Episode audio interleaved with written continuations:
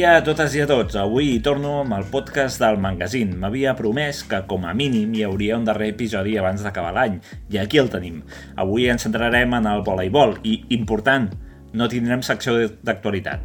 Primer, perquè aquests últims dies no hi ha hagut excessives notícies més enllà de l'espera per la nova temporada d'animes que aquest mes de gener doncs, ens arribarà a les nostres pantalles i diverses polèmiques també que hem tingut curioses al voltant d'autors amb tendències pedòfiles.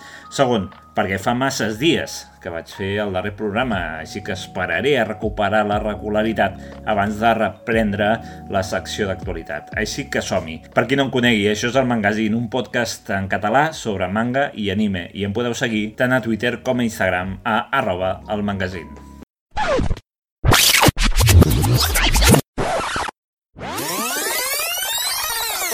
Probablement, per les estadístiques que m'ofereixen les aplicacions on penjo aquest podcast, és possible que tingueu suficients pèls a la cigala o al cony com per haver vist a Antena 3 Oliver i Benji, però no prous com per haver enganxat l'època daurada de l'anime al nostre país, que no va ser cap altra que la primera de totes, quan les privades Telecinco i Antena 3 es feien un lloc en el eh, panorama televisiu amb tota mena d'experiments i Televisió Espanyola no era una autèntica merda, com és des de fa temps, i també Televisió de Catalunya adoptava de veritat el paper d'una televisió que seguia els seus principis fundacionals, en aquell context no només va arribar a Bola de Drac, sinó que és increïble la gran quantitat de sèries d'animació japonesa que s'emetien en aquells moments. Però per explicar la història d'avui ens hem de remuntar encara uns anys més enrere. Ja tornarem als anys 80 i 90, no us preocupeu.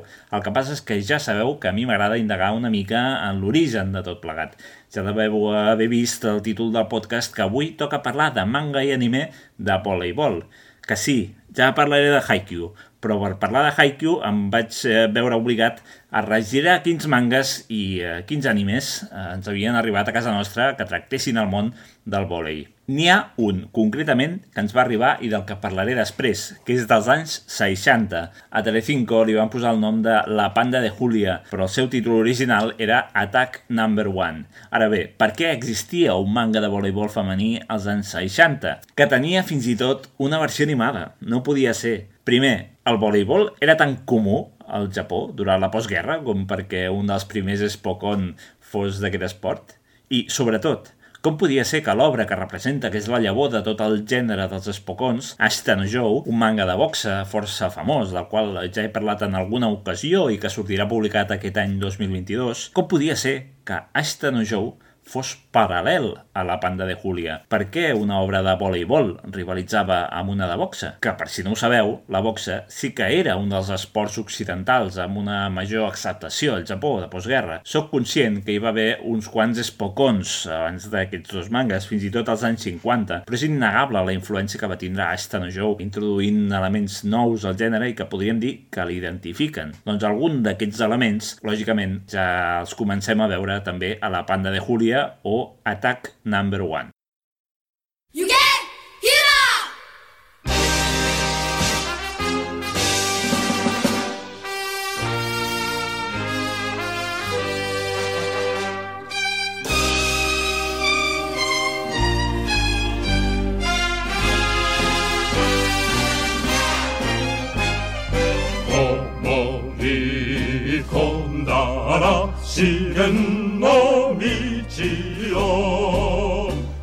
Tot fent-me aquesta pregunta, vaig donar fa poc en la resposta. Tot va començar als anys 50, al sud d'Osaka, quan en una ciutat anomenada Kaijuka, una fàbrica tèxtil va crear un equip de voleibol per les seves treballadores.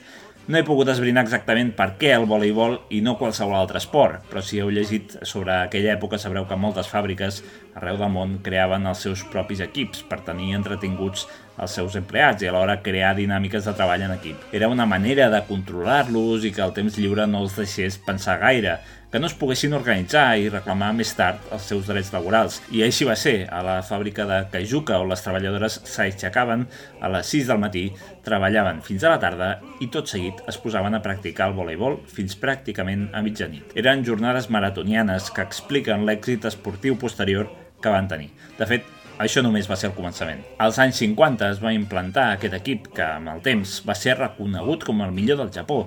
Tant és així que la Federació Nacional de Voleibol va enviar aquest mateix equip al Mundial Femení a Rio de Janeiro l'any 1960. No van guanyar, es van quedar a les portes de fer-ho quedant en segon lloc, però ràpidament es van fer amb l'atenció dels japonesos i de la premsa estrangera, que les anomenaven les bruixes orientals. Aquest sobrenom els va ser imposat després d'una gira per diversos països europeus i poc abans del triomf que el 1962 aconseguirien en un nou mundial, a Moscou. No cal que digui que el terme bruixa és la típica paraula que històricament els homes hem fet servir per insultar o menys tenir el gènere femení quan destaca en algun àmbit que considerem considerem que no li pertoca. Bé, doncs, les bruixes orientals japoneses van entrenar, entrenar i entrenar. Les cròniques posteriors asseguren que els entrenaments d'aquestes jugadores eren de 10 hores diàries, amb la mirada fixada en els Jocs Olímpics de Tòquio de 1964. Aquells jocs van ser els primers que van incloure el voleibol com a esport olímpic i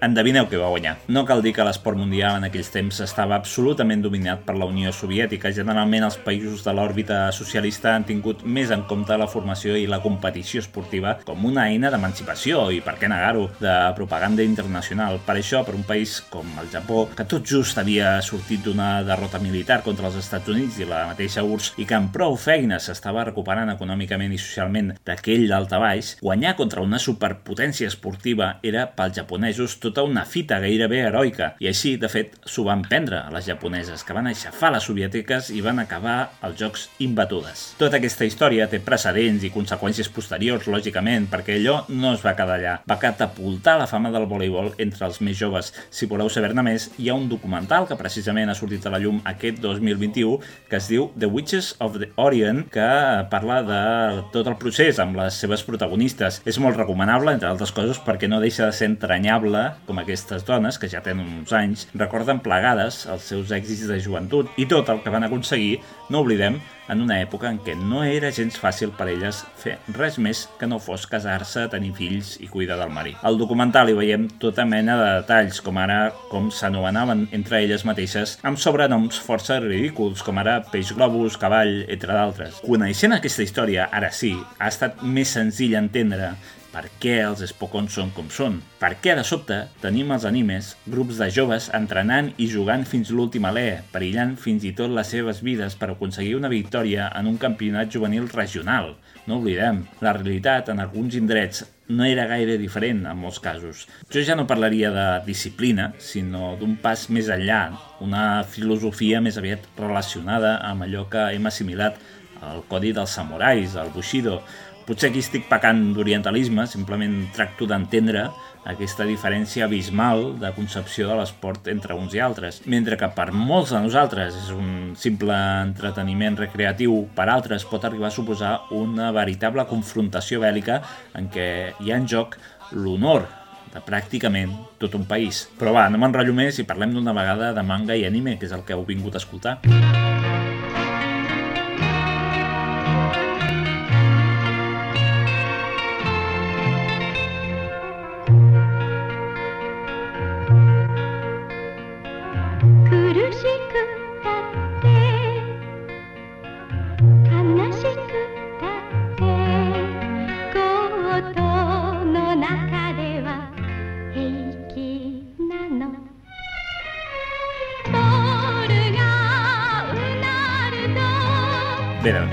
aquesta experiència esportiva de les bruixes orientals va inspirar, com no, a les revistes de manga de l'època, concretament la revista Margaret, una de les més famoses adreçades a noies adolescents. Van comanar a l'autora Chikako Urano que dibuixés aprofitant tota aquesta fama que havia agafat el voleibol, un manga que precisament estigués centrat en aquest esport. És així com va néixer Attack Number 1, l'any 1968, que es va convertir en un autèntic fenomen, arribant a acumular 12 volums, si no estic equivocat, en tan sols dos anys. Alhora, l'any 1969, es començava a emetre a Fuji Terebi l'anime que arribaria a sumar 104 episodis. No va ser fins l'any 1990, poc després de començar les emissions, que Telecinco la va rescatar amb doblatge en castellà i, sobretot, força censura, per variar. Malauradament, avui dia és un anime força difícil de localitzar, fins i tot si ens n'anem a les descàrregues il·legals.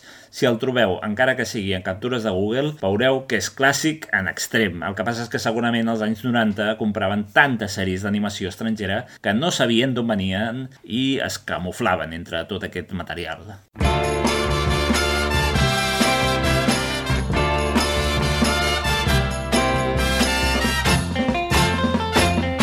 Però de què va la panda de Julia? Bé, està clar que de voleibol.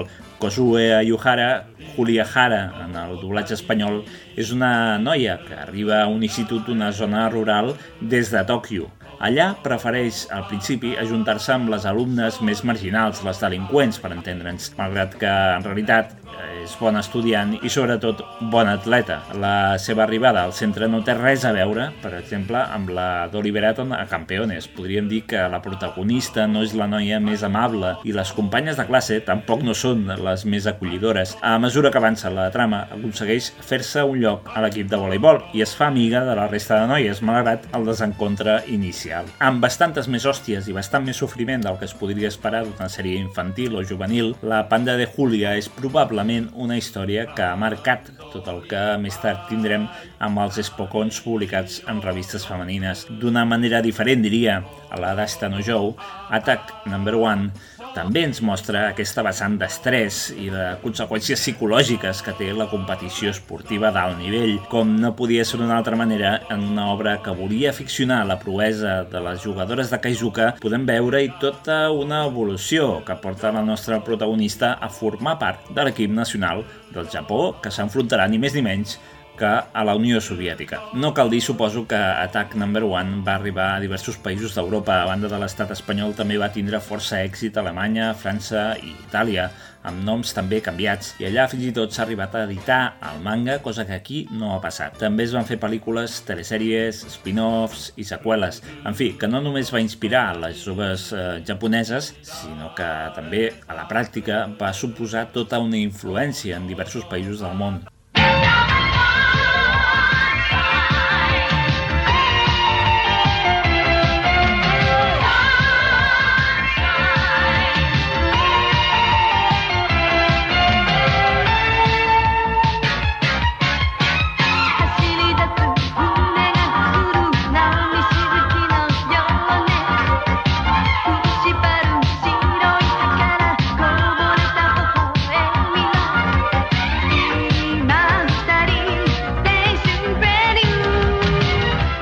D'aquesta cruesa ens anem a principis dels 80, amb Attacker You, o tal com la vam conèixer aquí, dos fuera de sèrie, Juana i Sergio, que no us enganya la música disco de la cançó d'inici, perquè no deixa d'haver-hi moments força complicats, per dir-ho d'alguna manera. No és que s'haguessin deixat de fer sèries de voleibol durant més d'una dècada al Japó, n'hi va haver unes quantes, com ara Sain uh, Wabi, una mescla entre animació i imatge real, també Ashita e no Ataku, amb la qual Fuji Terebi, la cadena que havia més Attack Number One, volia aprofitar la tirada del Mundial de Voleibol, que precisament s'havia de celebrar doncs, al Japó l'any 1977, cap d'aquestes dues van arribar, però, a recollir eh, doncs, tot aquest èxit que s'havia aconseguit amb les sèries prèvies. Tampoc cap d'aquestes dues va arribar a les nostres pantalles, si bé aquesta última sí que ho va fer a Itàlia i a França. Si hem de parlar d'èxit televisiu, doncs ens hem de traslladar a l'any 1984, quan Terebi Tokyo i la revista Nakayoshi van impulsar al mateix temps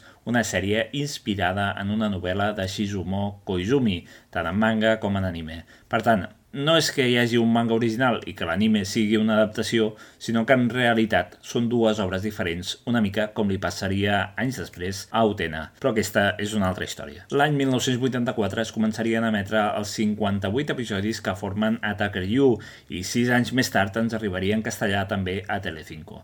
El Japó no va tindre potser més èxit que Attack Number One, la primera de les sèries de les que he parlat avui, però a l'estat espanyol va causar un autèntic revolt. Fins i tot he arribat a trobar col·leccionables de cromos d'aquesta sèrie, de dos fora de sèrie o tal com se l'anomenava popularment Juana i Sergio.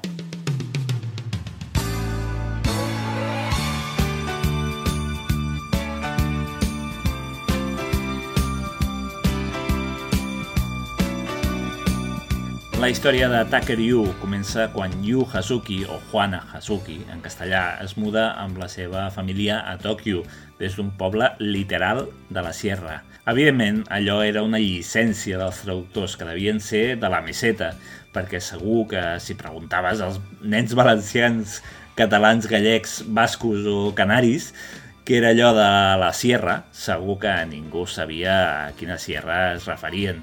No sé, un detall que hauria de destacar, que em va semblar curiós quan vaig posar-me a mirar aquesta sèrie, que per cert la teniu íntegra a YouTube. Bé, doncs tenim un protagonista, Yu Hazuki, que entra en un institut amb un cert aire de joveneta rebel que protesta davant les injustícies i que acaba entrenant a l'equip de voleibol. Si mireu l'anime en castellà veureu que està força censurat jo diria que més que Attack Number One.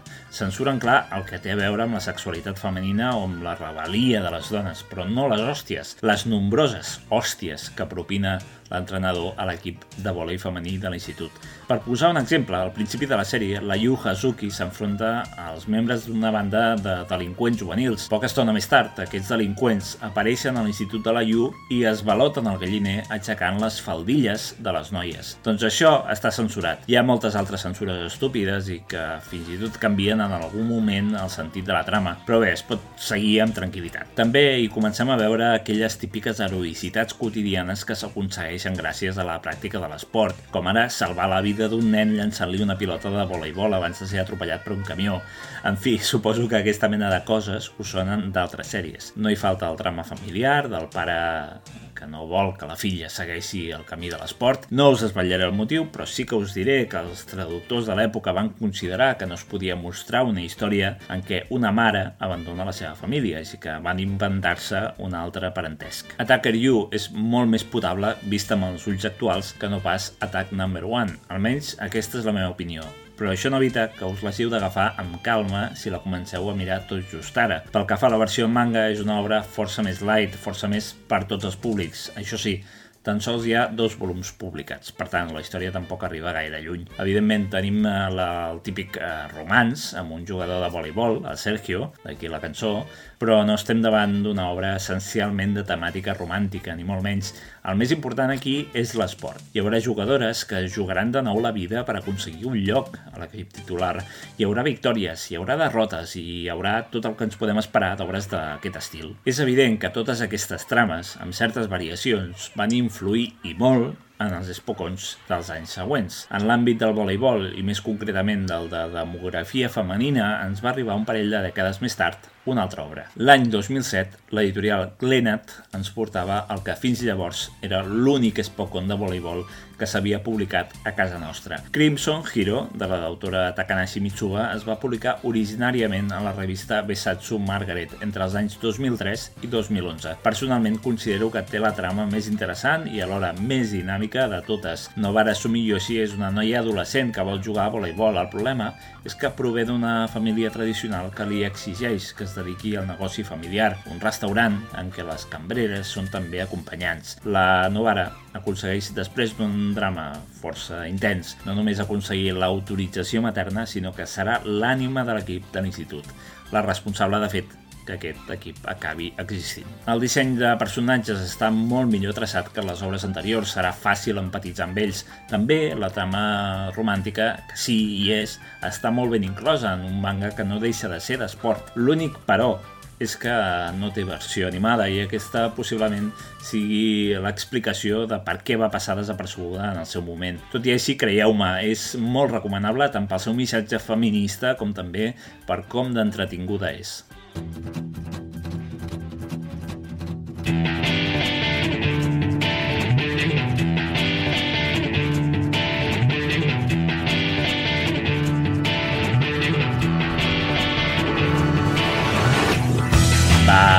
sí, ara sí que toca parlar de Haikyuu. El passat mes d'octubre va sortir publicat en castellà per l'editorial Planeta el manga de Haikyuu. Feia temps que coneixíem aquesta obra perquè la distribuïdora Selecta Vision ha llicenciat temporada rere temporada de la versió animada, però per A o per B, cap editorial s'havia atrevit amb el manga. El pack inicial dels dos primers volums va assolir els primers llocs del rànquing eh, de vendes a les llibreries i haurem de veure quina és la resposta del públic a un manga que té en total 45 volums. Sense tot el que he explicat abans, no s'entendria res del que tenim en Haikyuu. Sense les bruixes orientals, sense Attack Number 1, sense Attacker You, fins i tot sense Crimson Hero, que es va acabar de publicar un any abans, que es comencés a serialitzar a la revista Shonen Jump, el manga de Haruichi Furudate, Haikyuu, voleibol en japonès, per cert. Segons he pogut esbrinar a través del senyor Google, hi ha l'opinió bastant estesa al Japó que el voleibol és famós gràcies a la difusió que s'havia donat a través dels mitjans. Sigui pel que sigui, Haikyuu és el darrer fenomen del voleibol, però per primer cop és un fenomen masculí. Hi havia hagut eh, prèviament mangas de voleibol masculí, sí, però eh, per algun motiu no havia arribat encara un fenomen de masses d'aquestes característiques.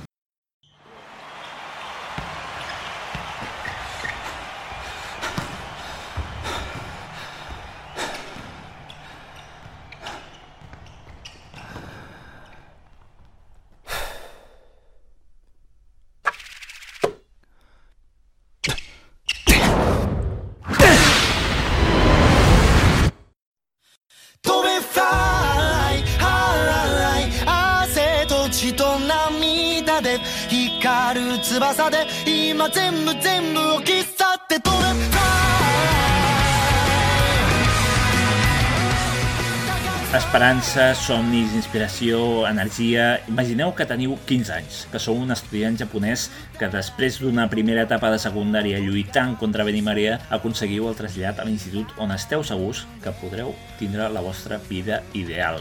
Ho desitgeu fins a un punt malaltís, que fa que no penseu en res més. La vostra joventut és el voleibol, ni parelles, ni altres esports, ni fricades, ni res. A diferència d'Attack Number 1, Attack You i Crimson Hero, Haikyuu sí que la vaig seguir des d'un bon inici, no perquè hagi estat eh, una de les sèries amb més xipejos que jo recordis, sinó perquè de debò que em va enamorar l'animació de com es movia la pilota i tot plegat. Fa uns mesos, de fet, Haikyuu estava a Netflix i ara encara podeu enganxar la primera temporada a Amazon Prime Video. Però us demano, si plau, que no la deixeu estar només perquè els primers capítols no són els més dinàmics de la història de l'anime. Espereu, espereu almenys fins al final de la primera temporada o al principi de la segona. Us sorprendrà, de debò que no us enganyo. En general, tothom coincideix que és una sèrie que la mires i t'inspira a fer coses. Sents la banda sonora pel carrer i ja tens ganes de córrer, de fer alguna cosa amb la teva vida, de perseguir els teus somnis. I les cares d'il·lusió dels jugadors, els sentiments tan transparents de derrota o de satisfacció segons el moment.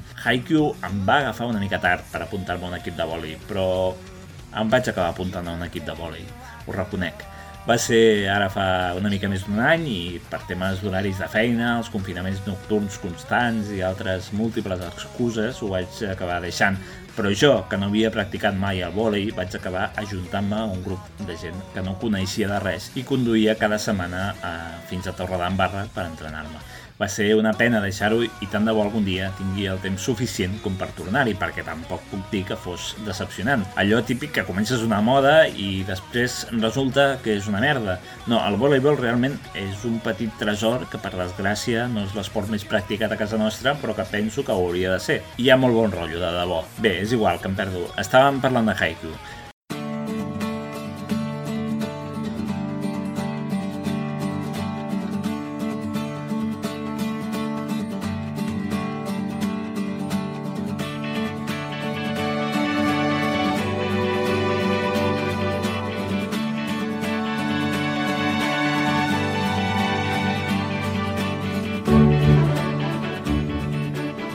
Hinata Shoyo és el protagonista d'aquesta història, un noi de cabells taronges que ens recorda només per aquest aspecte físic a la protagonista de Takaryu i que és el típic prota de la Shonen Jump, un paio banalment feliç i determinat a aconseguir l'èxit, que en el seu cas és ser com el seu heroi. Perquè a ell no li agrada el voleibol per inspiració divina, sinó perquè un dia pel carrer va veure en un televisor un partit de secundària en què el millor jugador, el rematador, era un noi de la seva alçada.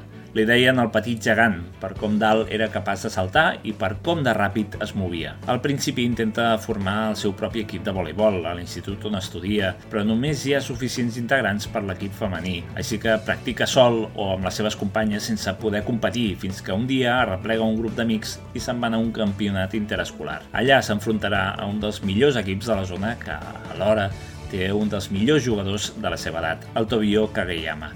Amb ell hi coincidirà més tard a l'institut on jugava el petit gegant. el Karasuno. De sobte, d'un curs per l'altre, deixen de ser rivals a ser companys d'equip i s'estableix aquesta relació de passiu-agressiu entre tots dos. A diferència d'Oliver Aton, a Campeones, no és que el nostre protagonista, el Hinata, sigui un geni del voleibol. Al contrari, al principi no en sap res, només el salven les seves habilitats atlètiques, però és baixet i no sap ni rebre bé una pilota. El que ens vol ensenyar Haikyuu al llarg de les, eh, per ara, quatre temporades és que per moltes dificultats que trobis a la vida, només si ho intentes, si t'hi dediques en cos i ànima, potser descobreixes que tens un nou talent que no coneixies. És una oda a l'esforç, però en un sentit oposat al que trobàvem als altres animes de voleibol que he comentat en aquest podcast, perquè aquí la iniciativa neix del mateix esportista és pura motivació i la seva motivació arrossega la resta de l'equip, que fins a la seva arribada es trobava en hores molt baixes. Sense entrar en el desànim, Haikyuu ens porta a la part més real de l'esport. L'esforç i la pràctica és el que fan millorar les habilitats i no tant el possible talent natural que assumim que poden tindre els nostres protagonistes perquè Bé, són els protagonistes d'un anime d'esports, segur que han de guanyar. I no tan sols això, sinó que a mesura que avancem, coneixem a fons com es juga a voleibol, quines tècniques fan servir els que practiquen aquest esport. És tot un món, creieu-me. Un altre element a destacar de Haikyuu és el seu disseny de personatges. No és només el duo protagonista, el Hinata i el Kageyama, sinó que l'autor ha sabut focalitzar-se en cadascun d'ells per donar-los el paper que mereixen. Des dels més bons fins als que no ho són tant, tots ells són molt fàcilment recordables i identificables. De veritat que és força interessant com l'autor és capaç de donar-los peu amb tan sols unes poques frases. I no oblideu, estem davant d'un espocon de 45 volums, centrat en competicions interescolars, amb suficient espai com perquè cada equip tingui la seva pròpia trama, perquè coneguem a fons cadascun dels rivals del Karasuno. D'alguna manera, l'autor ens incita a que ens posicionem a favor d'un equip o d'un altre.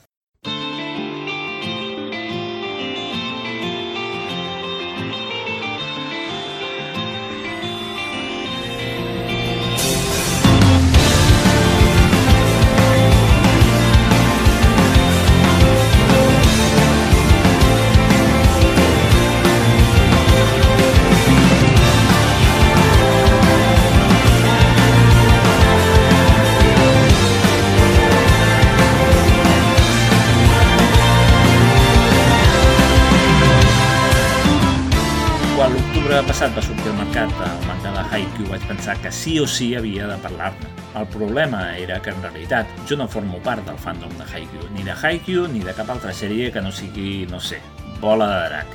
I ni de Bola de Drac tampoc, de fet. Per això em fa una mica de cosa parlar de sèries tan famoses i que arrosseguen tants aficionats al darrere. Qualsevol comentari fora de to serà tillat d'heretgia o d'insult. A mi, per exemple, el manga en si de Haikyuu no m'agradava gens, era més de l'anime, perquè precisament el que em va enamorar de Haikyuu era l'animació de la pilota i dels jugadors durant els partits. Em semblava una delícia, una mica salvant les distàncies, però com va passar amb Kimetsu no Yaiba.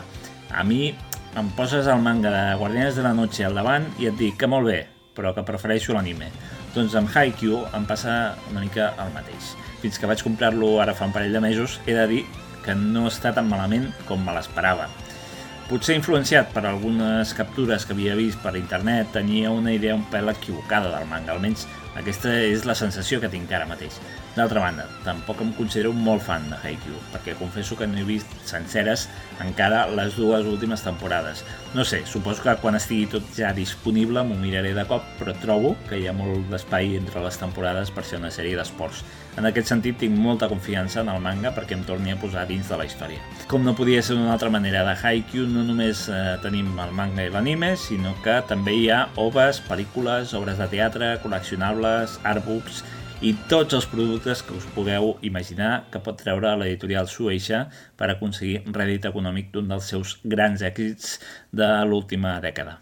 体中の細胞に火を起こすように目いっぱいに空気を吸い込んだ血と汗を i fins aquí el programa d'avui. Espero que no se us hagi fet curt ni llarg, sinó tot el contrari, que tingueu ganes de més i que em aneu dient si gràcies a algun dels meus podcasts heu descobert una o altra obra o si teniu opinions diferents o semblants a les meves. En tot cas, moltes gràcies per escoltar-me i recordeu, seguiu-me a iVox, e a Spotify, a Twitter i a Instagram i d'aquesta manera no us perdreu el següent programa. A reveure! 光